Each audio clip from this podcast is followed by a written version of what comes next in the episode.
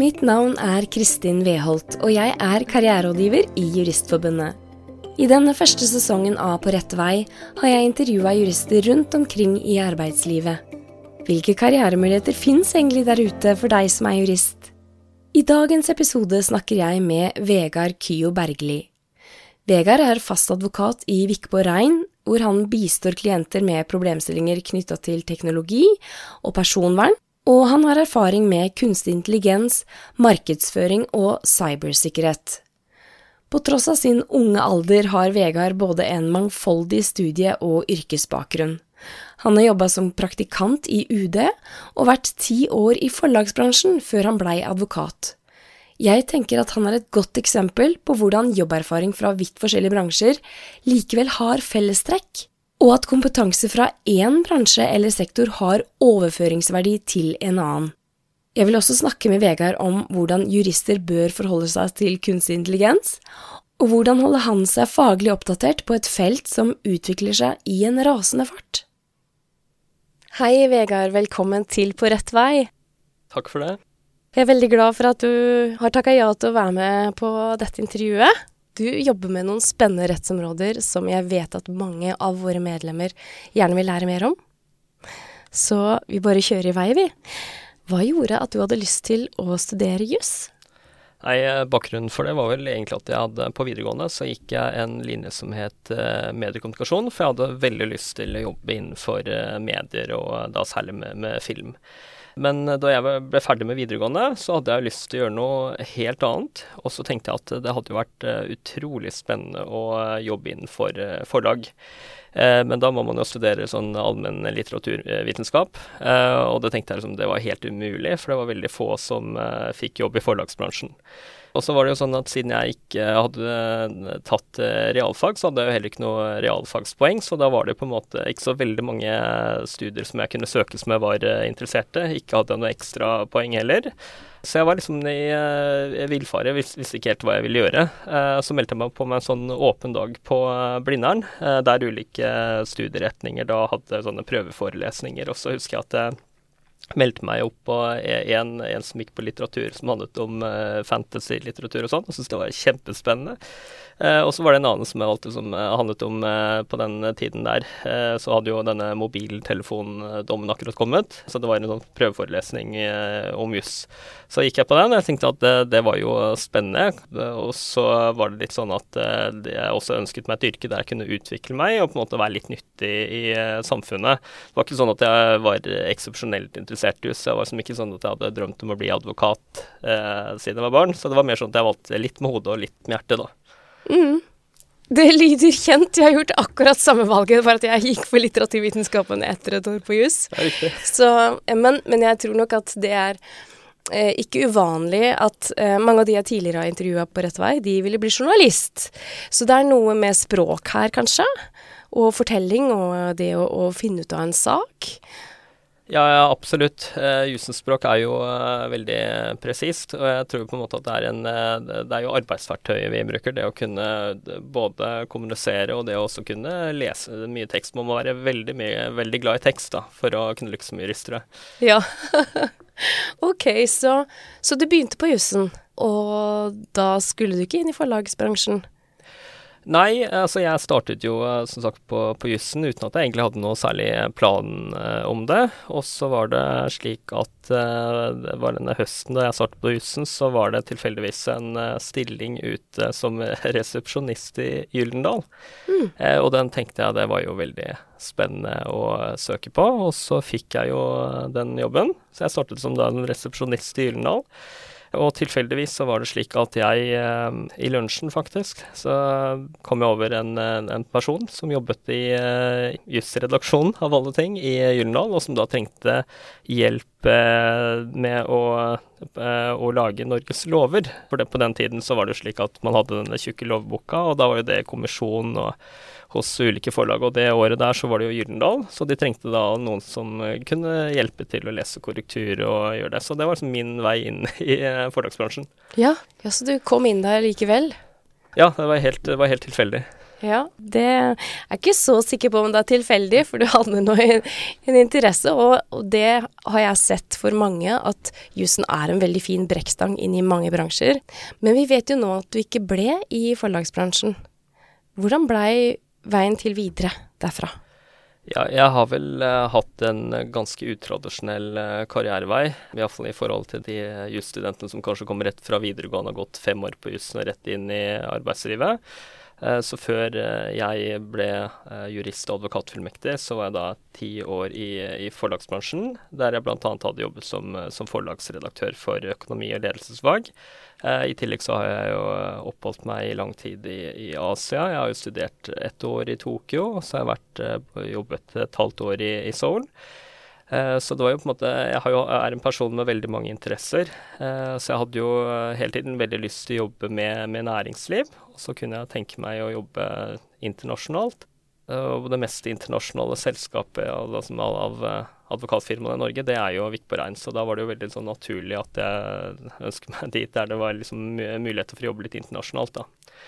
Eh, også I tillegg så har jeg jo alltid vært eh, veldig interessert i eh, teknologi og innovasjon og duppedingser og sånne ting. Eh, og så jobbet jeg jo da i en bransje, som, altså forlagsbransjen, som hadde en del utfordringer knyttet til eh, det å finne Eh, digitale forretningsmodeller og, og, sånne ting. Så da ønsket jeg å lære meg eh, mer om hvordan dette fungerer, så da tok jeg et kurs på BE som handlet om eh, strategisk forretningsutvikling og innovasjon. Og det var sånn jeg kom litt inn på det sånn digitale og sånn jeg jobber med i dag, da. Mm -hmm. Ok, så du begynte i, i Vik på Rein. Og hva er de viktigste oppgavene du har i jobben din i dag?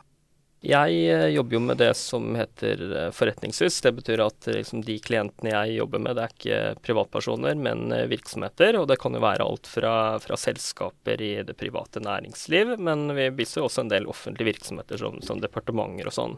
Så jeg vil kanskje si at det jobben min det består av å bistå klienter med alle mulige spørsmål innenfor teknologi. Det kan f.eks. være at man ønsker å utvikle en programvare eller installere et helt nytt system. Det kan være spørsmål om, om personvern. Og så liker jeg å tenke på at uh, den jobben jeg gjør, det handler om ofte å være en sånn oversetter da, fra måte, den etter hvert veldig krevende jungelen av juridiske krav som uh, stilles til virksomheter, og det å kunne oversette det til en sånn, sånn praktisk uh, hverdag, rett og slett. Mm -hmm. Ok. Så kan du si litt om hvordan det ser ut en, en vanlig arbeidshverdag for deg? Oi, det var et godt spørsmål. nei, min arbeidshverdag er veldig variert. Eh, jeg jobber jo hele tiden med juridiske vurderinger. Det kan være spørsmål som eh, vi får fra klienter om er det lov å gjøre X eller Y. Eh, det kan være at jeg gjennomgår dokumenter i forbindelse med en transaksjon, eller rett og slett får en telefon fra en klient som har hatt et databrudd, og da må det rapporteres til Datatilsynet innen 72 timer, f.eks. Eller det kan jo også være spørsmål knyttet til personvernerklæringer og alt som har med personvern og IT-kontrakter, egentlig. Mm. Så hvilke rettsområder jobber du mest med? Eh, jeg jobber eh, hovedsakelig med personvern, og så jobber jeg med IT-rett. Og det er egentlig en form for eh, spesiell kontraktsrett som går på regulering av informasjonsteknologi. I tillegg så jobber jeg med informasjonssikkerhet, markedsføring og etter hvert mye kunstig intelligens. Mm. På disse feltene skjer det jo veldig mye. Så um, hva ser du på som den største utfordringen innenfor personvern? For det er jo et felt som er under stadig press. Det er helt uh, riktig. Uh, det er jo få som uh, for noen år tilbake kunne tenke seg hvor stort dette området har blitt, og hvor mange som i dag jobber med personvern. Og jeg vil jo si at personvern det er jo ikke noe man gjør for å vinne popularitetskonkurranser. Du er jo ikke en veldig populær person når du får det ansvaret i virksomheten og skal sørge for et godt personvern. Eh, det blir jo litt sånn som når du en, blir utnevnt som en ordenselev av eh, læreren din, liksom at du skal sørge for å holde styr på ting. Eh, og det er jo et uhyre strengt regelverk som kan virke veldig firkantet. Så jeg tror utfordringen i dette her, det er å forstå litt det prinsipielle. Én ting er selvfølgelig personvern og retten til familie og privatliv, men det handler jo også om, om informasjonssikkerhet. Og for mange virksomheter så tror jeg det handler om å forstå liksom, hva betyr dette for oss i praksis. Jeg tenker at vi lever i et moderne eh, samfunn med mye teknologi, og det er jo sånn at vi klarer oss ikke uten eh, personopplysninger. Og nesten all, eh, alt av teknologi, det krever jo data for å fungere.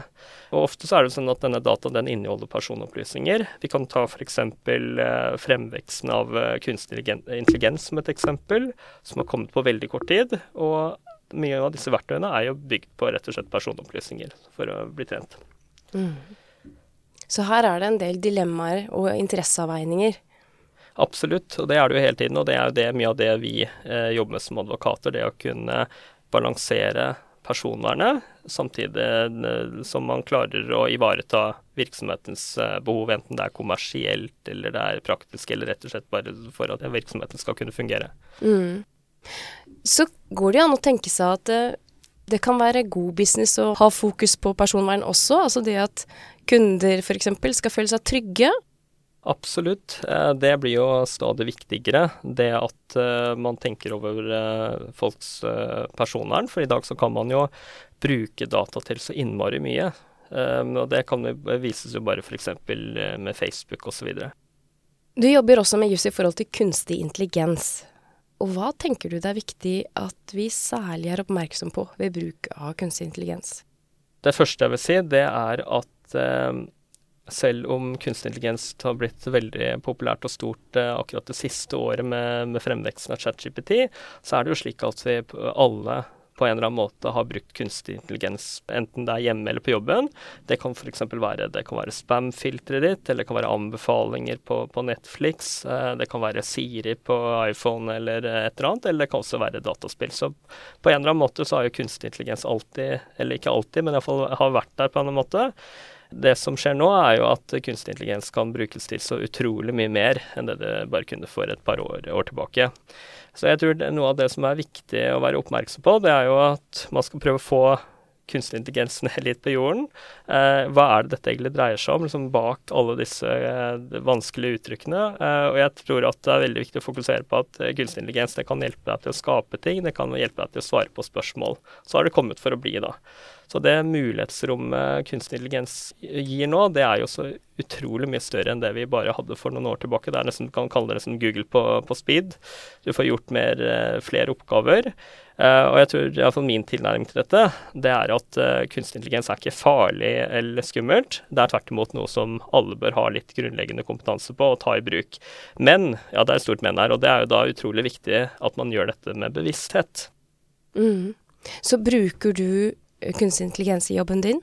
Absolutt. Jeg bruker jo veldig mye chat-GPT, f.eks. Ja. Kan du gi et eksempel på en ting du kan be chat-GTP om å hjelpe, å hjelpe deg med? Ja, et uh, godt eksempel på det er jo når man skal uh, skrive avtaler, f.eks. Uh, ja. Så får man jo alltid, uh, iallfall hvis man søker, eller det som det heter prompter riktig, så får man jo alltid gode utkast. Mm. Hvis man gjør det på en god måte, da. Ja, OK. Så det er også ikke noe å være redd for. Her er det masse muligheter. Ja, jeg tenker at det er uh, mye muligheter her, og at man ikke skal være redd for det. Men det er jo også viktig å påpeke at uh, alle virksomheter som nå bruker kunstig intelligens, har jo et selvstendig ansvar for å sørge for at denne bruken er, er riktig. Og så tror jeg rett og slett man, man skal jo selvfølgelig være litt kritisk. Det er ikke alltid at man kan stole på at de funksjonalitetene som IT-leverandøren den tilbyr deg, liksom er lovlig eller korrekt.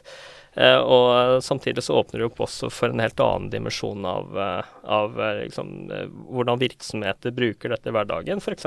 ansatte. da. Mm. Når du jobber i en virksomhet, og du som ansatt blir pålagt å bruke disse verktøyene, så åpner de opp for en helt annen dimensjon for overvåkning og, og deling av, av informasjon osv. Så, videre. så det er, det er, viktige ting som man må, må tenke på. Man må ha en bevissthet da, knyttet til det å bruke AI. Ja, nettopp. Så hvis du tenker på framtidas jurister, da, hva tror du de kommer til å jobbe særlig mye med med tanke på kunstig intelligens? Ja, eh, jeg liker å tenke at eh, når man snakker om framtidens jurist og forholdet mellom teknologi og juss, så tror jeg på at det er viktig å skille mellom det som vi kan kalle legal tech og det som kalles teknologijuss. Og med legal tech så tenker jeg da særlig verktøy man bruker internt for mm. å løse juridiske oppgaver. Og det kan jo alltid Det kan være alt fra automatisering av avtaler til oversettelsesprogrammer, men også sånn noe enkelt som, som cookie-banner. Uh, og jeg tror jo at uh, Når man snakker om legal tech, så tror jeg det etter hvert blir like vanlig som alt uh, annet vi bruker av verktøy. forhåpentligvis er det jo ingen advokatfirmaer i dag som markedsfører at de f.eks. bruker Office-pakken til Microsoft. Man tar det liksom for gitt. ikke sant? Og det er blitt, Bra eksempel. ja, ikke sant? Det, og det, dette er jo liksom da blitt hyllevare som alle, alle, bruker. Og jeg tror også at det ikke er tvilsomt at kunstig intelligens i en eller annen form på kort eller lang eh, sikt vil eh, liksom være der eh, Office-bakken er i dag. Og jeg tror jo også at kunstig intelligens vil ta bort en del av de mer manuelle jobbene som kanskje ikke er fullt så verdiskapende for, for klientene, da. Sånn som f.eks. oversettelser. Men det krever jo at vi som advokater må liksom tenke nytt rundt hvordan vi kan bidra og være aktuelle. Mm. Ja, fordi er det noe konkurranse i kunstig intelligens eh, med tanke på deres jobb? Ja, absolutt. Det er jo klart at uh, når man ser uh, hvor uh, mye ChatGPT kan gjøre i dag, både det å foreslå kontrakter Det finnes f.eks. verktøy i dag som kan nesten skrive et ferdig notat for deg. Så det er jo klart at mye av de arbeidsoppgavene vi har i dag, kommer jo til å forsvinne. Ja. Samtidig så ser jeg jo også at det kommer klienter på døra som da bruker ChatGPT selv, og som da sier hei, nå har vi fått, uh, har vi noen kontrakter, kan dere se gjennom dette her. Så vi blir utfordret på en helt annen måte, og det er jo veldig bra. Mm. Og så tenker jeg jo på at i farvannet av kunstig intelligens oppstår det jo mange nye rettslige problemstillinger som kanskje ikke har eksistert før, som, som det må advokater til for å se på. Ja, eh, det er interessant at du eh, sier det, for alle har jo snakket om eh, AI Act og den manglende reguleringen av AI. Man snakker jo om liksom, nå kommer roboten og tar deg liksom alle sånne, sånne dystopiske fremtidsutsikter. Men jeg tror at for virksomheter flest så vil jo dette være et verktøy for å effektivisere og gjøre ting på en litt annen måte. Altså rett og slett bruke tiden mer effektivt. Men det vi ser, det er jo at uh, kunstig intelligens uh, krever en del, som jeg sa, en del bruk av data. Uh, og det gjør at du har mange muligheter i dag som du ikke vil ha ellers. men det er ikke, jeg tror det er nesten er en sånn litt myte da, at dette ikke er regulert allerede. For du har jo allerede i dag krav i arbeidsmiljøloven eh, knyttet til overvåking av ansatte f.eks. Så det finnes mye der, eh, men det er rett og slett bare at du må være bevisst på hvordan påvirker denne bruken av kunstig intelligens virksomheten og de ansatte. Ja, nettopp. Ok, Så vil jeg jo tro at det mangler litt rettspraksis. Ja, det er helt riktig. Eh, det finnes ikke mye eh, høyesterettspraksis om eh, kunstig intelligens, men det finnes jo veldig mange lover, da særlig fra, fra EU-hold, som nå kommer for fullt. Ok, nettopp. Ja. Spennende. Det her er jo noe jeg ikke kan noe om. Men jeg blir litt beroliga ja, når jeg hører deg snakke, for at jeg, å, ja, ok, det er regulert. Godt å vite. Ja, ja er, i aller høyeste grad så er dette regulert, men det handler bare om å vite hvor du skal lete og ha litt bevissthet på dette. Mm. Nei, men godt å høre. Så jeg vet det at jusstudenter savner undervisning i kunstig intelligens på studiene. Og Per Christian Bjørkeng, han er teknologijournalist i Aftenposten. Og han har gitt ut en bok som heter Knekk chat GTP-koden. Og så sier han i et intervju med juristen at jussen er et av de fagfeltene som vil bli sterkest påvirka av kunstig intelligens, og utviklingen vil gå veldig fort. Jeg lurer på, hvordan holder du deg faglig oppdatert på det feltet her? Oi, ja, det var et uh, godt spørsmål. Uh, jeg tror at det er veldig viktig å følge med. Uh, lese en del artikler. jeg ser selv en del på YouTube-filmer, faktisk. Ja. leser en del bøker. brukte jo sommerferien på å lese denne fantastiske boken til Inga Strymke, 'Maskiner som mm. tenker', som jeg syns var en veldig god innføring i kunstig intelligens. Ja. Det skjer jo ting absolutt hele tiden, så det handler om å jeg tror rett og slett bare lese mye og være litt interessert i, i det som skjer. Mm. Ja. Det er ikke noe hokus pokus, rett og slett. Er, man må bare ta skia i egen hånd og lære. Ja, det tror jeg du har helt rett i. Det er rett og slett bare hardt arbeid. ja. så nå har vi snakka mye om GDPR og kunstig intelligens. Er det noen faglige kompetanser utenom jussen du bruker særlig mye i jobben din? Ja, uh, jeg tror at uh, det er liksom Når man går fra skolebenken til å jobbe i virksomheter, så tror jeg det er viktig å være litt klar på det at det er veldig mye på skolebenken som man ikke nødvendigvis blir lært opp i. Og det handler jo om enkle ting som det å um, ta initiativ. Det å kunne gå en vei uh, uten at noen på en måte har sagt til deg på forhånd hvilken uh, vei det er i retning, rett og slett. Du må bare finne ut av det selv. Og en annen, andre eh, ferdigheter som er viktig, det tror jeg er også å presentere noe på en god måte. Vi får et spørsmål om, um, om juss f.eks. fra en klient, og det er jo fordi klienten ikke forstår det selv. Og da er det veldig viktig at vi klarer å kommunisere det på en eh, forståelig og, og strukturert måte. Mm. Samtidig så tror jeg at det er viktig at man hele tiden prøver å holde seg faglig oppdatert. Da, og, liksom, og, jeg pleier å si at mye av det vi gjør er jo ikke juridisk vanskelig, det er mer sånn faglig vanskelig. Det å forstå hva vi egentlig holder på med, da. Ja. Innenfor teknologi særlig. Mm. Og de personlige ferdighetene du bruker i jobben. Du har jo vært litt inne på det. Eh, jeg hører jo initiativ jeg tenker jeg er jo sånn det å være selvgående, da. Men hva, hva annet tenker du at du bruker i jobben din? Jeg liker å tenke på at det å være forretningsadvokat, det er nesten som å være et sånn uh, serviceyrke. Det handler om å være positiv, uh, det handler om å ha gode holdninger. Uh, også være litt ydmyk med tanke på at det er en klient som faktisk spør deg om å, å få råd. I tillegg til det å ta initiativ, så er det selvfølgelig viktig å lede seg selv, men det er også viktig å tenke på at man jobber sammen med andre mennesker med ulike bakgrunner og personligheter. Eh, og da tror jeg det er veldig viktig i dag at man eh, klarer å være litt omgjengelig og ja, være en god kollega, da, rett og slett. Mm. Så tror jeg det blir mer og mer viktig i den, eh, det yrket vi har i dag, at vi er flinkere til å være litt mer empatiske og være litt ålreite, rett og slett. Ja. ja. Jobber du tett med kollegaer? Er dere flere på et team når dere løser Jobbe med en klient, f.eks.? Ja, absolutt. Eh, vi eh, jobber jo veldig ofte i team. Eh, ja. Og det betyr at vi gjerne kanskje er et par-tre advokater på én sak. Så det betyr jo at selv om man selv har ansvaret for å gjøre en god sak, selvfølgelig, så jobber man jo alltid i samspill med andre. Og i Vikborgheim så er jeg jo så heldig som Vi har jo kontorer bokstavelig talt nesten over hele verden. Ja. Så jeg jobber jo f.eks. en del med med andre advokater eh, på utenlandskontoret vårt i Shanghai. Og det er jo veldig spennende. Ikke sant? Ikke minst så er det ulike tidssoner, men det er også ulike måter å kommunisere på, så det er jo eh, veldig interessant. Mm -hmm. Så det er mange av medlemmene våre som lurer på hvordan man får muligheten til å jobbe for et forretningsadvokatfirma. Hva tror du var grunnen til at du fikk den jobben du har i dag? Jeg tror jo det handler om uh, min uh, faglige kombinasjon, om at, altså, at, jeg har en litt ulik bakgrunn, rett og slett. At jeg har en sterk interesse for teknologi og næringsliv, og at jeg rett og slett har gjort mye. Hvis man tenker mer på det faglige planet, så tror jeg hvis man ønsker å uh, jobbe i et stort forretningsadvokatfirma, så tror jeg det er viktig å ha rom både for detaljer. Du må være glad i å jobbe mye. Eh, og så tror jeg også det er viktig å, å ha en viss sånn utholdenhet, da. Mm. Ok. Men du var også trainee. Riktig. Hos Vikvarein. Riktig. Mm. Ja, for jeg har inntrykk av at mange av de som kommer inn i de forretningsadvokatfirmaene, har hatt en trainee-periode der før de ble ansatt.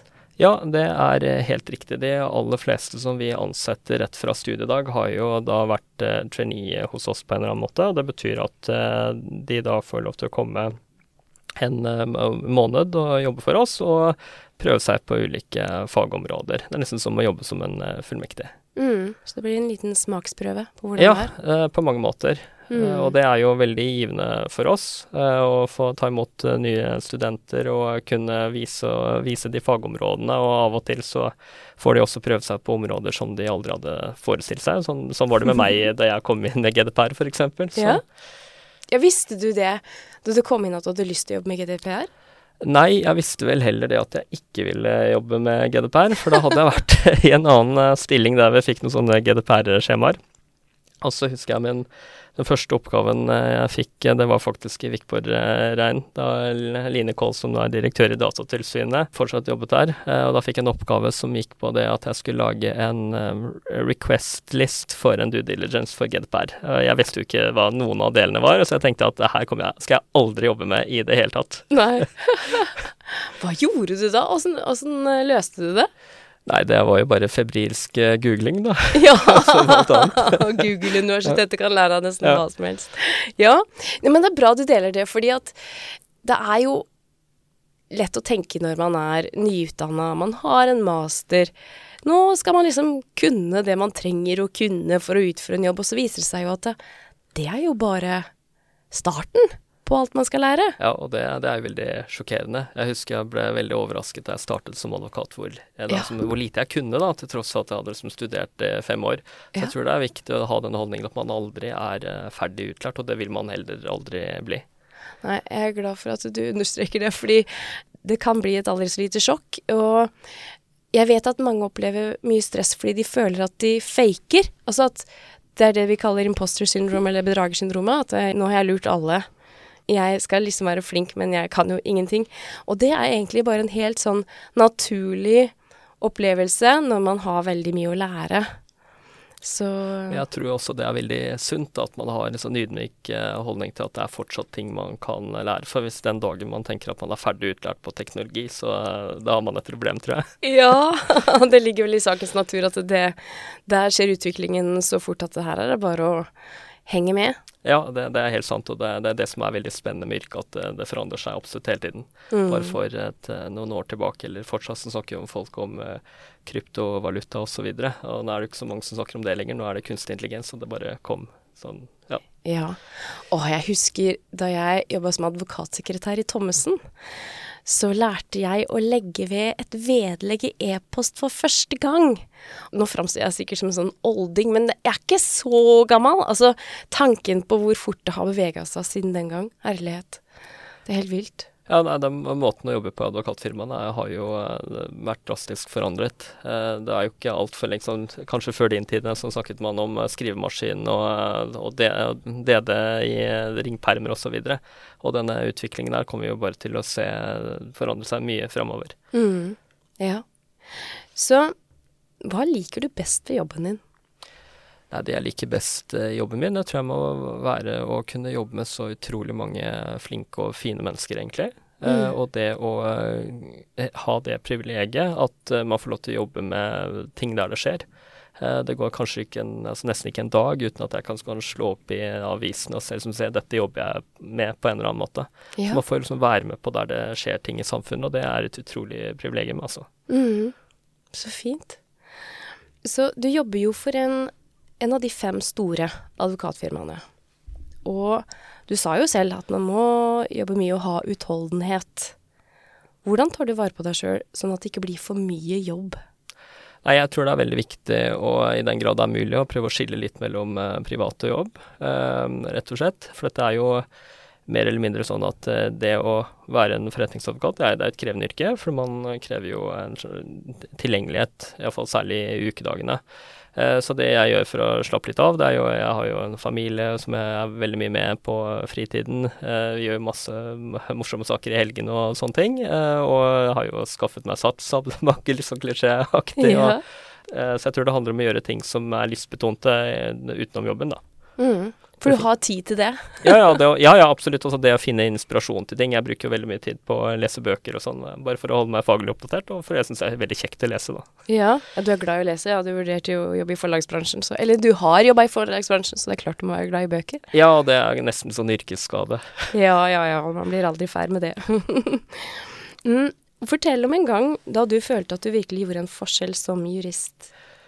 Jeg tror det er vanskelig å finne en uh, konkret sak der jeg følte at jeg har gjort en uh, stor forskjell, uh, men jeg kan si at jeg blir jo veldig glad hver gang eh, jeg kommer over klienter eller leverandører som da først liksom møter en motvilje mot eh, personvern. Som sagt så er ikke personvern noe man gjør for å bli populær, men i de tilfellene der man liksom klarer å overbevise klientene om at dette faktisk ikke bare handler om, eh, om personvern, det handler om informasjonssikkerhet, det handler om respekt for familie og privatliv, liksom, hver gang man klarer å vise til klientene at personvern har noe for seg, da. Mm. Da blir jeg veldig glad. Ja. Mm. Hvis man klarer å se litt bak det, så er det jo veldig mye spennende. Ja, jeg tror hvis folk hadde visst hva man kan bruke persondata til, så hadde alle sett hvor verdifullt regelverket er. Så hvilken jobberfaring har du vokst mest på? Ja, hvis jeg tenker tilbake på den erfaringen jeg har hatt så langt, så tror jeg kanskje at den erfaringen jeg har vokst mest på, det var da jeg var praktikant på den norske ambassaden i Seoul i Sør-Korea. Eh, denne ambassaden den er jo såkalt akkreditert til Nord-Korea, så det betyr at eh, den også er ansvarlig for, eh, for Nord-Korea. Er det som skjer der. Og på det tidspunktet da jeg var der, det var altså våren 2013, så hadde Sør-Korea akkurat fått sin første kvinnelige president. Eh, som for så vidt var datter av en tidligere diktator, og som i dag er, eh, sitter i fengsel for korrupsjon. Da. Eh, og det var ett år siden Kim Jong-un hadde tatt over. Så det var på en måte en ny sånn brytningstid i, i Korea. Vi som uh, jobbet på ambassaden der, fikk jo da veldig mye jobb, fordi det kom uh, en del trusler fra Nord-Korea, både sånn offentlig i mediene om at nå måtte alle, alle utlendinger i Sør-Korea forlate halvøya fordi man ikke kunne garantere for tryggheten. Uh, så det skapte jo da naturligvis en del jobb for oss på, på, ambassaden, både for å ta vare på de nordmennene som er i, er i, Korea, så det var en veldig stressende opplevelse, selvfølgelig. Det var liksom kalde krigen all over igjen og, og alt det der. Eh, men det var det kanskje det året jeg har lært aller mest, altså. Det å mm. kunne stå i en sånn, eh, sånn situasjon. Eh, og ikke minst det, jeg er veldig imponert over hvor godt embetsverk vi har, og hvor utrolig flinke folka i UD er. Ja. Så du hadde altså et praktikantopphold der. Da studerte du statsvitenskap? Ja, det er riktig. Jeg har jo studert veldig mye, men det var et sånn lite opphold der jeg hadde planer om å jobbe litt med, med statsvitenskap. Men det var jo akkurat også det halvåret jeg fant ut at jussen egentlig var ganske bra. For vi mm. hadde jo lært litt om folkerett og sånne ting, og det var på en måte verktøy som uh, gjorde at det var uh, rett og slett var mer nyttig da enn det statsvitenskapen var på den, det tidspunktet. Interessant. Du har en mangslungen karriere så langt på ditt unge liv. Jeg er veldig imponert over hvor mye du har rukket. Um, hva vet du nå som jurist? Og som du skulle ønske at du visste da du var student, og særlig da du skulle søke din første jobb som jurist? Ja, det er vel det at uh, det jeg sa om at uh, hvor lite man egentlig kan når man er, er ferdig. Altså Selv om man liksom har studert i fem år, så er det fortsatt veldig Man kan, kan egentlig ikke så mye som man tror man kan. Eh, og så er det det at eh, det å jobbe iallfall særlig i sånn forretningsadvokatfirmaer, det stilles jo veldig eh, store krav til både presisjon og, og kvalitet i, i, arbeidet. Og jeg må jo si at jeg syns jo at jusstudiet er egentlig i bunn og grunn et veldig bra studium. Eh, men når man går fra liksom, skolebenken til, eh, til, jobben, så er det liksom, man må gjøre, holde på med litt avlæring. For man, eh, da har man gått fem år på Universitetet i Oslo, så har man lært liksom, at man skal skrive praktikum og teori da, på eksamen, særlig praktikum. Og så, så kommer man til hverdagen, og så altså, Det er kanskje ikke verden så mye praktikum likevel, det at man liksom må kunne skrive i ulike sjangere og sånne ting. Mm, ok. Så man har mye å lære etter studiene? Ja, absolutt, og man lærer jo eh, hele tiden, særlig på de feltene jeg jobber med, da, på teknologi. Ja, ikke sant. Så til slutt så har jeg lyst til å spørre deg, hva skulle du ønske jeg hadde spurt om? Uh, nei, jeg skulle ønske at du kanskje hadde stilt spørsmål om hvordan vi uh, utdanner fremtidens jurister, for det er jo veldig spennende. Ja, få høre. Hva tenker du om det? Ja, jeg tenker at uh, nå så er det slik at studenter lærer veldig lite av de uh, fagene som vi holder på med, sånn som alltid kan være alt fra kunstig intelligens til, til personvern. universitetene og etter hvert BE som har kommet på banen, har jo veldig få fag som er praktiske og knytter seg til, til teknologien. Eh, og vi ser jo at det blir stadig viktigere, eh, fordi dette er jo noe som skjer her og nå. Så næringslivet er jo veldig avhengig av å kunne bruke teknologi på en god måte for å kunne utvikle seg og skape verdier. Mm. Og det skulle jeg veldig gjerne ønske at man hadde hatt mer oppmerksomhet på.